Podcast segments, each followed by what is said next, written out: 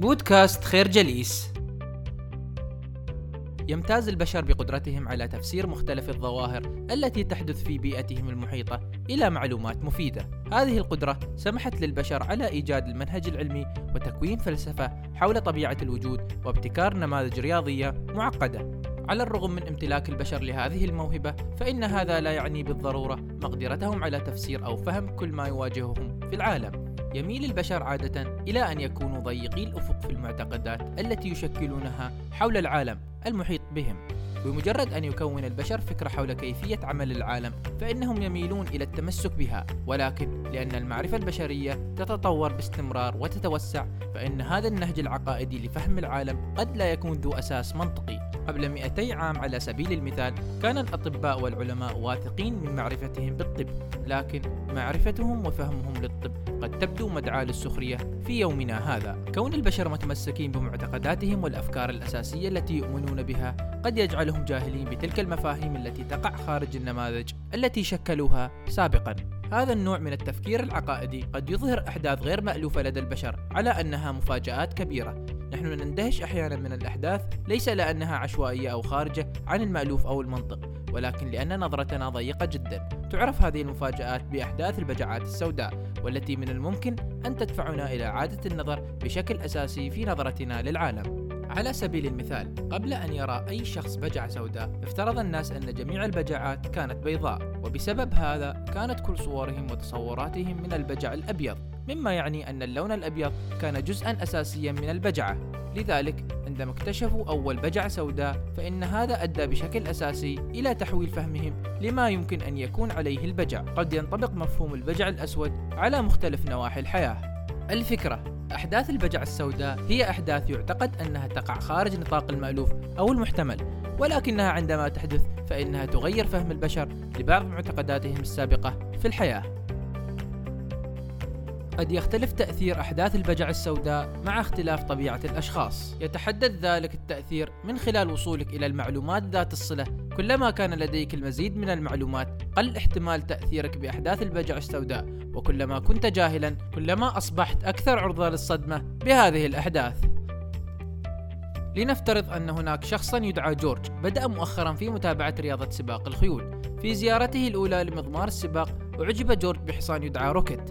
تبين لجورج بأن روكيت له سجل حافل من الانتصارات ويقوده فارس ماهر. كما أنه ليس لديه أي ند حقيقي في ذلك السباق. اعتقد جورج بأن روكيت هو الخيل الأفضل للرهان.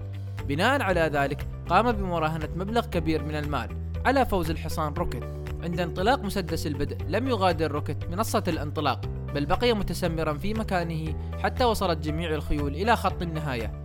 بالنظر إلى المعلومات التي جمعها جورج كان ما قام به الفرس روكيت حدثا من أحداث البجع السوداء ولكنه في المقابل قد يكون حدثا متوقعا لعدد من الأشخاص الذين يمتلكون معلومات أكثر وذات صلة أكبر بإحداث ذلك السباق بالتحديد. على سبيل المثال مالك الفرس روكيت كان على علم بأنه قد تعرض لتدريب قاس في الأيام التي سبقت السباق. لذلك قام مالك الفرس بالمراهنة ضدها تحسبا لأنها قد تعاند الفارس وترفض المنافسة مع الخيول الأخرى مع أن كمية المعلومات الإضافية التي امتلكها مالك الفرس قد تكون صغيرة للغاية إلا أنها جنبته الوقوع في فخ حدث البجع السوداء. حجم التأثير الذي ينتج عن أحداث البجعات السوداء يمكن أن يختلف بشكل كبير أيضا فبدلا من التأثير على الأفراد فقط يمكن لمجتمعات بأكملها أن تقع ضحية لأحداث البجع السوداء. عندما يحدث هذا يمكن لحدث البجع السوداء أن يغير طريقة فهم العالم في العديد من المجالات مثل الفلسفة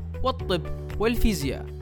على سبيل المثال عندما اقترح كوبرنيكوس أن الأرض ليست مركز الكون كانت العواقب هائلة عليه وعلى مجتمعه وعلى العالم أجمع. الاكتشاف الذي توصل إليه كوبرنيكوس كان تحديا سافرا لسلطة الكنيسة الكاثوليكية الحاكمة وكذلك للسلطة التاريخية لتعاليم الكنيسة وتفاسيرها للكتاب المقدس.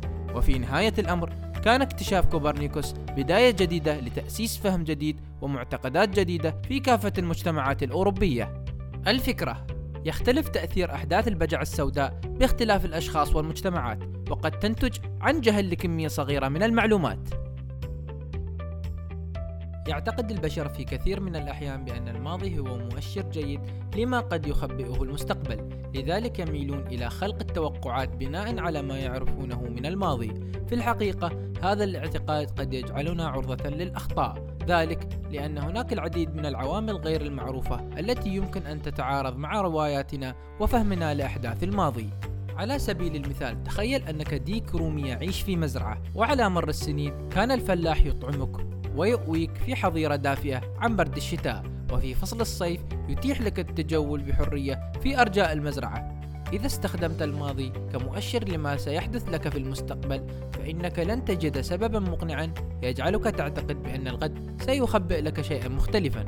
ولكن للأسف فإن الغد هو يوم عيد الشكر حين يأتي الفلاح ليقطع رأسك ويملأك بالتوابل ويلقيك في الفرن ويأكلك على مأدوبة العشاء مع عائلته.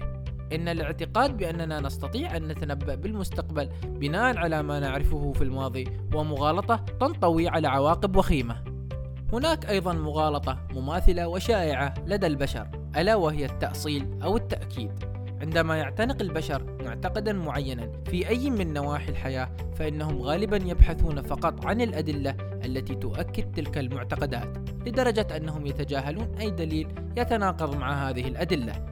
عندما نواجه معلومات تتعارض مع ما نعتقد بالفعل فإننا لا نميل إلى قبولها أو تحليلها بشكل حيادي بل من الأرجح أننا نبحث عن مصادر تقوض وتنفي هذه المعلومات.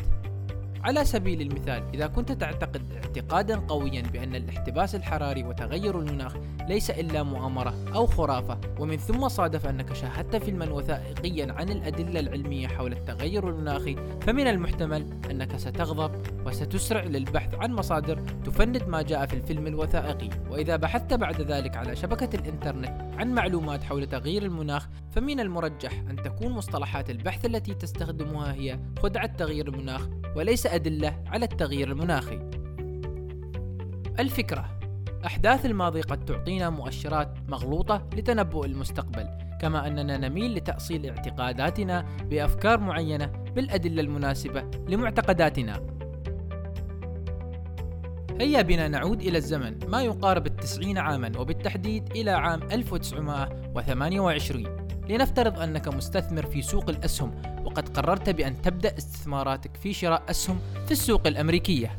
قبل أن تأخذ هذه الخطوة وكأي مستثمر حريص كنت قد قمت بدراسة إحصائيات سوق الأسهم الأمريكية في الثمانية أعوام الماضية أي من عام 1920 إلى عام 1928 أي قبل عام واحد من أكبر انهيار لسوق الأسهم الأمريكية في تاريخ الولايات المتحدة الأمريكية الذي حدث في عام 1929 أثناء دراستك لسوق الأسهم قبل خوضك غمار السوق الأمريكية ربما تكون قد لاحظت بعض الانخفاضات والارتفاعات الصغيرة ولكن بشكل عام قد تكون كذلك قد لاحظت اتجاها متصاعدا للسوق مع اعتقادك بأن هذا الاتجاه التصاعدي سوف يستمر. فإنك تعقد العزم وتستثمر مدخراتك في سوق الأسهم الأمريكية. في اليوم التالي وعلى الرغم من تحليلاتك المفصلة ينهار السوق وتخسر كل الذي ادخرته. يعيدنا هذا السيناريو إلى مبدأ الجهل بمعلومات قد تكون صغيرة لكنها مهمة للغاية. إذا كنت قد درست السوق أكثر بقليل من ثمان سنوات ماضية لكنت قد لاحظت العديد من الارتفاعات الفقاعية التي عاقبتها انهيارات كبيرة عبر التاريخ. بالتالي عندما نركز فقط على ما نعرفه من معلومات فإننا نفتح على أنفسنا الباب لمخاطرة كبيرة. لم نكن نلقي لها بالا. في المقابل إذا تمكنا على الأقل من تحديد ما لا نعرفه فسنتمكن من تقليل المخاطر بشكل كبير. لقد تكون سمعت عن عبارة المعرفة قوة Knowledge is power. فإن المعرفة التي نمتلكها قد تشكل في كثير من الأحيان قيودا لفهمنا لكثير من الأحداث أو التوقعات. في الواقع من خلال التركيز فقط على ما تعرفه فإنك تحد من إدراكك لجميع النتائج المحتملة لحدث معين وتخلق أرضية خصبة لظهور أحداث البجعة السوداء. الفكرة إدراكك بأنك تجهل بعض المعطيات والمعلومات قد يساعدك في تقييم المخاطر قبل اتخاذ أي قرار. نشكركم على حسن استماعكم. تابعونا على مواقع التواصل الاجتماعي لخير جليس. كما يسرنا الاستماع لآرائكم واقتراحاتكم ونسعد باشتراككم في البودكاست.